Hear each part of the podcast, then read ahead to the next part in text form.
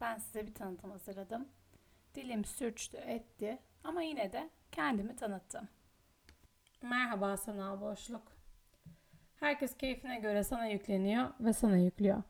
Ben de dedim ki bir kişi daha ne fark eder ki? Instagram'a ilgi çekecek fotoğraf yükleyecek ne fizik var ne de ego. Twitter'da kısa ve sıkı cümlelerle tartışacak hız yok. Facebook, babaannemlerle paylaşacağım her şeyi arayarak anlatıyorum. YouTube'da zaten yüzümü neden göstereyim bu kadar çok başarılı insan varken orada.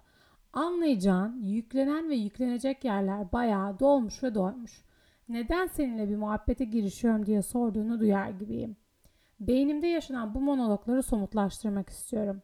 Bunu da sadece terapistim için değil, negatiflikler pozitiflikle de olsun diye. Küçükken de hep dilim pabuç gibi derlerdi, geriye de işte çene çalmak kalıyor. Ama her şeyden önce seninle aramızda bunu netleştirmek istiyorum. Ben bunu kendim için yapıyorum. Çünkü 20'lerimin ikinci devresi bayağı kastırıyor. Kimse beni bu ikinci ergenliğe hazırlamadı.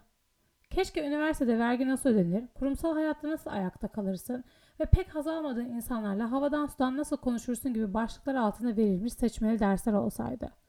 Aynı zamanda sürekli başarısız hissetmekten, kendimi alakasız insanlarla mukayese etmekten, ailem adına mahcupluklardan ve özgürlüğümü savunmaktan yoğruldum. Serdar Ortaç'ın da bir keresinde söylediği gibi kafamda deli sorular ve hayatı kolayca sevemiyorum.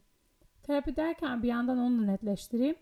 Listemi süre giden depresyon bozukluğu teşhisi konulduğundan beri hayattan yaşam enerjisi almak için elimden gelen her şeyi denemeye hazırım. Çünkü o karanlık köşeye tekrar geri dönmek istemiyorum. Zaten hayatta hata yapamazsın gibi bir şey yok. Hayatta hata yapmazsan öğrenemezsin ve hayatta olduğunu hissedemezsin falan falan falan. Belki seninle dertleşmek bu yükü üstümden kaldırır ve hayatta olduğumu gerçekten hissetmeye daha çok başlarım. Ha sırf sana da bu kadar yük bindirmek haksızlık tabi. Merak etme birkaç bir şeyi paylaşmayı sevdiğim nacizane bir insan var o da katılacak bize.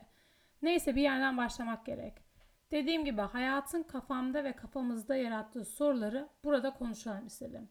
Eğer herhangi başka birinin de yolu buraya öyle ya da böyle düşerse dinlerken umarım yalnız olmadığını ve her zaman olumlu ve yapıcı eleştirilerle dolu muhabbetlere açık bir davetiyen var dediğimi bil. Hazır ben seni davet etmişken bu ilişkinin adını da koyalım diyorum ve to olsun diyorum. İngilizce'deki iki rakamı Türkçedeki uygun olmayan her türlü konsepte adanmış ses tonu. To podcastine hoş geldiniz. Ben ev sahibiniz. Siz bana pek seslenme ihtiyacı duymayacaksınız. Zaten ben de filtresiz %100 kendim olma fırsatını, keyfini çıkarmak istiyorum. Biraz hani egoyu eve girmeden kapıda bıraktık ama illaki sesleneceksiniz. Ekmek diyebilirsiniz. Neden niçin sormayın ama ekmeksiz yaşayan kaç mutlu insan gördünüz diyerek bu giriş kaydını sonlandırıyorum. İddialı geldim biliyorum ama gelişme bölümünde bakalım neler olacak. Sonuca ulaşabilecek miyiz? Sevgiler.